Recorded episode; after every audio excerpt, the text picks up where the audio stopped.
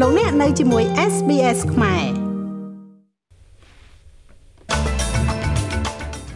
លោក Anthony Albanese នឹងពន្យល់ពីចក្ខុវិស័យរបស់អូស្ត្រាលីចំពោះតំបន់ Indo-Pacific នៅក្នុងបទបង្ហាញរបស់អង្គការ NATO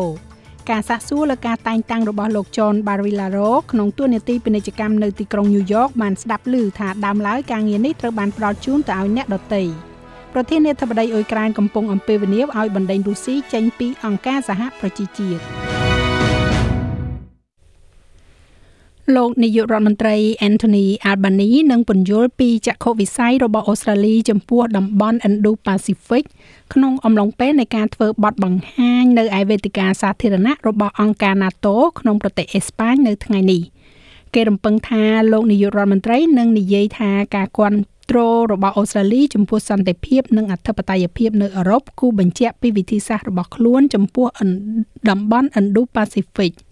គេក៏រំពឹងផងដែរថាលោក Albany នឹងធ្វើការសន្យា នៅក្រោមការដឹកនាំរបស់រដ្ឋាភិបាលបក Labor របស់លោក ថាអូស្ត្រាលីនឹងការពារតម្លៃនៃការគោរពច្បាប់អន្តរជាតិនិងបូរណភាពទឹកដី។ នៅក្នុងការបិទបាំងចំពោះការនិយាយពាក់ព័ន្ធនឹងប្រទេសចិនលោក Albany នឹងទទួលស្គាល់ថាមានការប្រកួតប្រជែងជាយុទ្ធសាស្ត្រហើយថាអូស្ត្រាលីមិនខ្លាចនៅក្នុងការក្រោកឈរឡើងជាមួយនឹងប្រទេសដទៃទៀតទាំងអស់ក្នុងតំបន់សម្រាប់ការបើកចំហការរួមបញ្ចូលនិងវិបុលភាព Indo-Pacific នោះទេ ការសាកសួរស៊ើបអង្កេតលើការតែងតាំងរបស់លោក John Barilaro ក្នុងទួនាទីពាណិជ្ជកម្មដែលមានប្រាក់បៀវត្សខ្ពស់នៅឯទីក្រុង New York បានស្ដាប់ឮពីរបៀបដែលការងារនេះដើមឡើយត្រូវបានផ្ដល់ជូនទៅឲ្យអ្នកដតីដែលខណៈដែលស្ត្រីម្នាក់នោះត្រូវបានគេចាត់ទុកថាជាបេក្ខជនដ៏ល្អបំផុត។ នាយកប្រតិបត្តិនៃវិនិយោគ New South Wales លោកស្រី Amy Brown មានប្រសាសន៍ថាការផ្ដល់ជូនដោយពាក្យសម្ដីត្រូវបានផ្ដល់ជូនចំពោះមន្ត្រីជាន់ខ្ពស់ខាងសេវាសាធារណៈលោកស្រី Jenny West ឲ្យទទួលយកទូនាទីដែលមានប្រាក់បៀវត្ស5សែនដុល្លារក្នុងមួយឆ្នាំនេះក្នុងនាមជាស្នងការពាណិជ្ជកម្មនិងវិនិយោគនៅអាមេរិកប៉ុន្តែសំណើនេះត្រូវបានដកចេញទៅវិញក្រោមការចង្អុលបង្ហាញពីរដ្ឋាភិបាល។ លោក Barilaro បានលាលែងពីសភាកាលពីខែតុលាឆ្នាំមុនមួយថ្ងៃបន្ទាប់ពីដំណើរការជ្រើសរើសបុគ្គលិកសម្រាប់តួនាទីនេះត្រូវបានបញ្ចប់លោកស្រី Amy Brown បានប្រាប់សាវនាការថាលោកស្រីមានការសន្ទនាគ្នាជាមួយនឹងរដ្ឋមន្ត្រីក្រសួងពាណិជ្ជកម្មលោក Stuart Ayres ក្នុងរយៈពេលប្រមាណថ្ងៃបន្ទាប់ពីការលាលែងពីតំណែងនេះ ហើយដែលលោកបានស្នើឡើងថាលោក John Barilaro នៅទីបញ្ចប់អាចជាបេក្ខជនដែលដាក់ពាក្យសម្រាប់ការងារជាស្នងការពាណិជ្ជកម្មនេះ He gave me a heads up that um Mr Barilaro may, might apply គាត់បានផ្ដល់ខ្ញុំនៅសញ្ញាដែលថាលោក Barilaro អាចដាក់ពាក្យសុំការងារនេះហើយបន្ទាប់មកលោក Barilaro ក៏បានដាក់ពាក្យមែនហើយនៅក្នុងដំណើរការនោះខ្ញុំបានឲ្យលោករដ្ឋមន្ត្រីដឹងថាវាបានកើតឡើង ហើយអ្នកចោទសួរក៏បានសួរទៀតថាតើលោករដ្ឋមន្ត្រីបានបង្ហាញពីការព្រួយបារម្ភចំពោះអ្នកអំពីរបៀបដែលរឿងនេះអាចនឹងលេចលឺជាសាធារណៈដែរឬទេលោកស្រី Brown បានឆ្លើយថាគាត់មិនបានបញ្ជាក់ពីការព្រួយបារម្ភអ្វីទេអ្នកធ្វើកសលវិច័យនៅរដ្ឋ Queensland បានរកឃើញថាបុរសម្នាក់ដែលបានសម្លាប់ប្រពន្ធនិងកូន3នាក់របស់គាត់គឺជាមេនៅរៀបចំគម្រោង Coroner Jane Bentley បានរកឃើញថាទំនងជាមិនមាននរណាម្នាក់អាចបញ្ឈប់បរិះនេះពីការអនុវត្តផែនការសម្លាប់របស់គាត់បានទេអ្នកស្រី Hanan Clark និងកូន3នាក់របស់គាត់បានស្លាប់នៅក្នុងខែកុម្ភៈឆ្នាំ2020នៅពេលដែលប្តីរបស់គាត់ដែលរស់នៅបែកគ្នាគឺលោក Rowan Baxter បានដុតឡានរបស់គាត់មុនពេលចាក់សម្លាប់ខ្លួនឯងហើយស្លាប់នៅក្បែរនោះ ការសាកសួរបានលើថាមានការបរាជ័យជាប្រព័ន្ធនៅក្នុងការទំនាក់ទំនងនិងការបណ្ដោះបណ្ដាលរបស់ប៉ូលីសឪពុកម្ដាយរបស់ Hanan Clark គឺលោកស្រីស៊ូនិងលោកលួយខ្លាកនិយាយថាពួកគេសង្ឃឹមថារដ្ឋនឹងដែនដីផ្សេងទៀតទាំងអស់នឹងរៀននៅមេរៀនសំខាន់សំខាន់ពីអ្វីដែលបានកើតឡើងនៅក្នុងរដ្ឋ Queensland នេះ We need to see all this everything that's been recommended យើងត្រូវតែមើលលើរឿងទាំងអស់នេះអ្វីគ្រប់យ៉ាងដែលត្រូវបានណែនាំឲ្យអនុវត្តទៅគ្រប់រដ្ឋហើយលោកលួយខ្លាចបន្ថែមថាមែនយើងត្រូវបន្តការសន្ទនានេះវាជាការសន្ទនាដែលមិនស្រណុកចិត្តនោះទេដែលយើងបានចាប់ផ្ដើមឡើងហើយយើងទាំងអស់គ្នាត្រូវតែបន្តការសន្ទនានេះ100%ប ប្រសិនបើរឿងនេះបានធ្វើឲ្យលោកអ្នកមានការព្រួយបារម្ភមានជំនួយគ្រប់គ្រងដែលអាចរកបានពីខ្សែទូរស័ព្ទ1800 respect ដែលមានលេខ1800 737 732ឬក៏ខ្សែទូរស័ព្ទ Lifeline ដែលមានលេខ13 11 14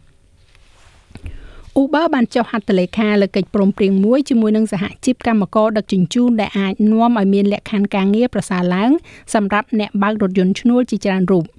Uber និងសហជីពនេះបានព្រមព្រៀងគ្នានៅក្នុងការលើកទឹកចិត្តរដ្ឋាភិបាលសហព័ន្ធឲ្យបង្កើតស្ថាប័នឯករាជ្យដែលនឹងបង្កើតស្តង់ដារសម្រាប់ឧស្សាហកម្មនេះទាំងមូលរួមទាំងប្រាក់ឈ្នួលអបបរមាផងដែរ។កិច្ចព្រមព្រៀងនេះក៏ជាការបដិញ្ញាឲ្យ Uber និងសហជីពធ្វើការពិភាក្សាគ្នាបន្ថែមទៀតអំពីអ្វីដែលស្តង់ដារឧស្សាហកម្មទាំងនោះត្រូវគួរតែត្រូវបានកំណត់ នៅឯក្រៅប្រទេសឯនោះវិញអ៊ុយក្រែនកំពុងតែអំពាវនាវឲ្យបណ្ដេញរុស្ស៊ីចេញពីអង្គការសហប្រជាជាតិដែលជាស្ថាប័នមួយដែលរុស្ស៊ីជាសមាជិកអចិន្ត្រៃយ៍តាមរយៈក្រុមប្រឹក្សាសន្តិសុខប្រធានាធិបតីអ៊ុយក្រែនលោក Volodymyr Zelensky មានប្រសាសន៍ថារុស្ស៊ីមិនស័ក្តិសមនឹងនៅក្នុងស្ថាប័នពិភពលោកទេ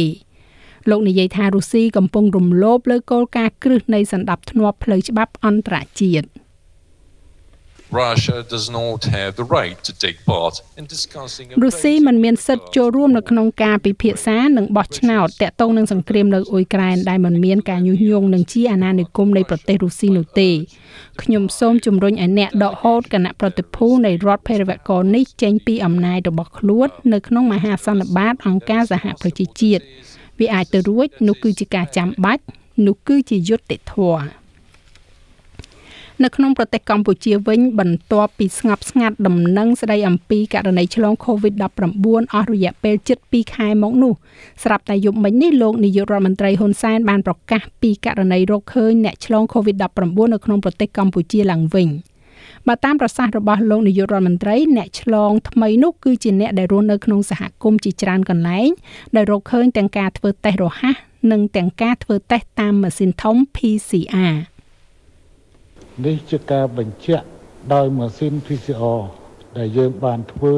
សម្រាប់អ្នកឆ្លងក្នុងសហគមន៍អ្នកមកពីក្រៅប្រទេស និងអ្នកធ្វើវិញ្ញាបនបត្រសម្រាប់ការចេញទៅក្រៅប្រទេស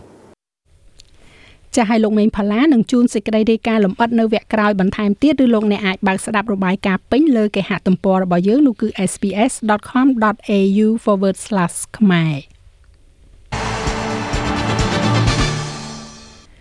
នៅក្នុងកីឡាវាយកូនបាល់ Tennis កីឡាការិនី Serena Williams ត្រូវបានទម្លាក់ចេញពីការប្រកួត Wimbledon នៅក្នុងជុំទី1ក្រោមថ្វីដៃរបស់កីឡាការិនីដែលទៅតែលេចមុខដំបូងរបស់បារាំងគឺនាង Harmony Tan Williams មិនបានលេងការប្រកួតមួយទល់នឹងមួយបែបនេះចាប់តាំងពីការឈប់សម្រាកដោយសារតែរបួសពេលប្រកួតជាមួយនឹងកីឡាការិនី Alexandra Sanovic នៅក្នុងការប្រកួត Wimbledon ដូចគ្នានេះកាលពីឆ្នាំមុន។ នាង Harmony Tan បានប្រាប់អ្នកគ្រប់គ្រងបន្ទាប់ពីការប្រកួតថាដំបូងឡើយនាងមានការព្រួយបារម្ភណាស់នៅពេលដែលនាងបានឃើញការចាប់ឆ្នោតគូប្រកួតនេះ Yeah, it's Serena Williams. She's a legend and uh, ចាវាគឺជាការប្រកួតជាមួយនឹង Serena Williams នាងគឺជាកីឡាការនីដ៏អស្ចារ្យហើយខ្ញុំហាក់ដូចជាអូព្រះជាម្ចាស់តើខ្ញុំអាចលេងបានដោយរបៀបណា ប្រសិនបើខ្ញុំអាចឈ្នះមួយឬក៏ពីរហ្គេមនោះវាពិតជាល្អណាស់ហើយសម្រាប់ខ្ញុំ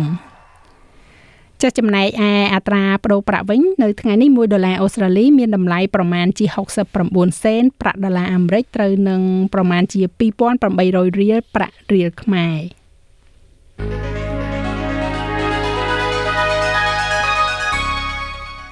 យើងក៏លេខមើលការព្យាករណ៍អាកាសធាតុសម្រាប់ថ្ងៃប្រហ័សស្អែកនេះវិញ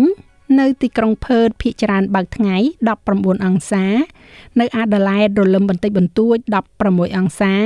ស្រដៀងគ្នានេះនៅមែលប៊ន13អង្សាអាចនឹងមានរលឹមនៅហូបាត11អង្សា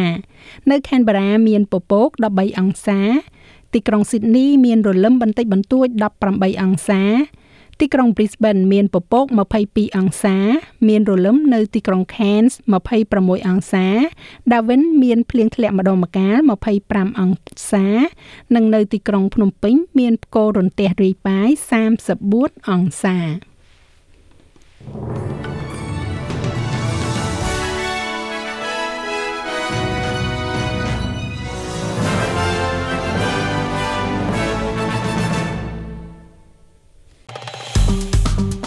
ចុច like share comment និង follow SBS ខ្មែរនៅលើ Facebook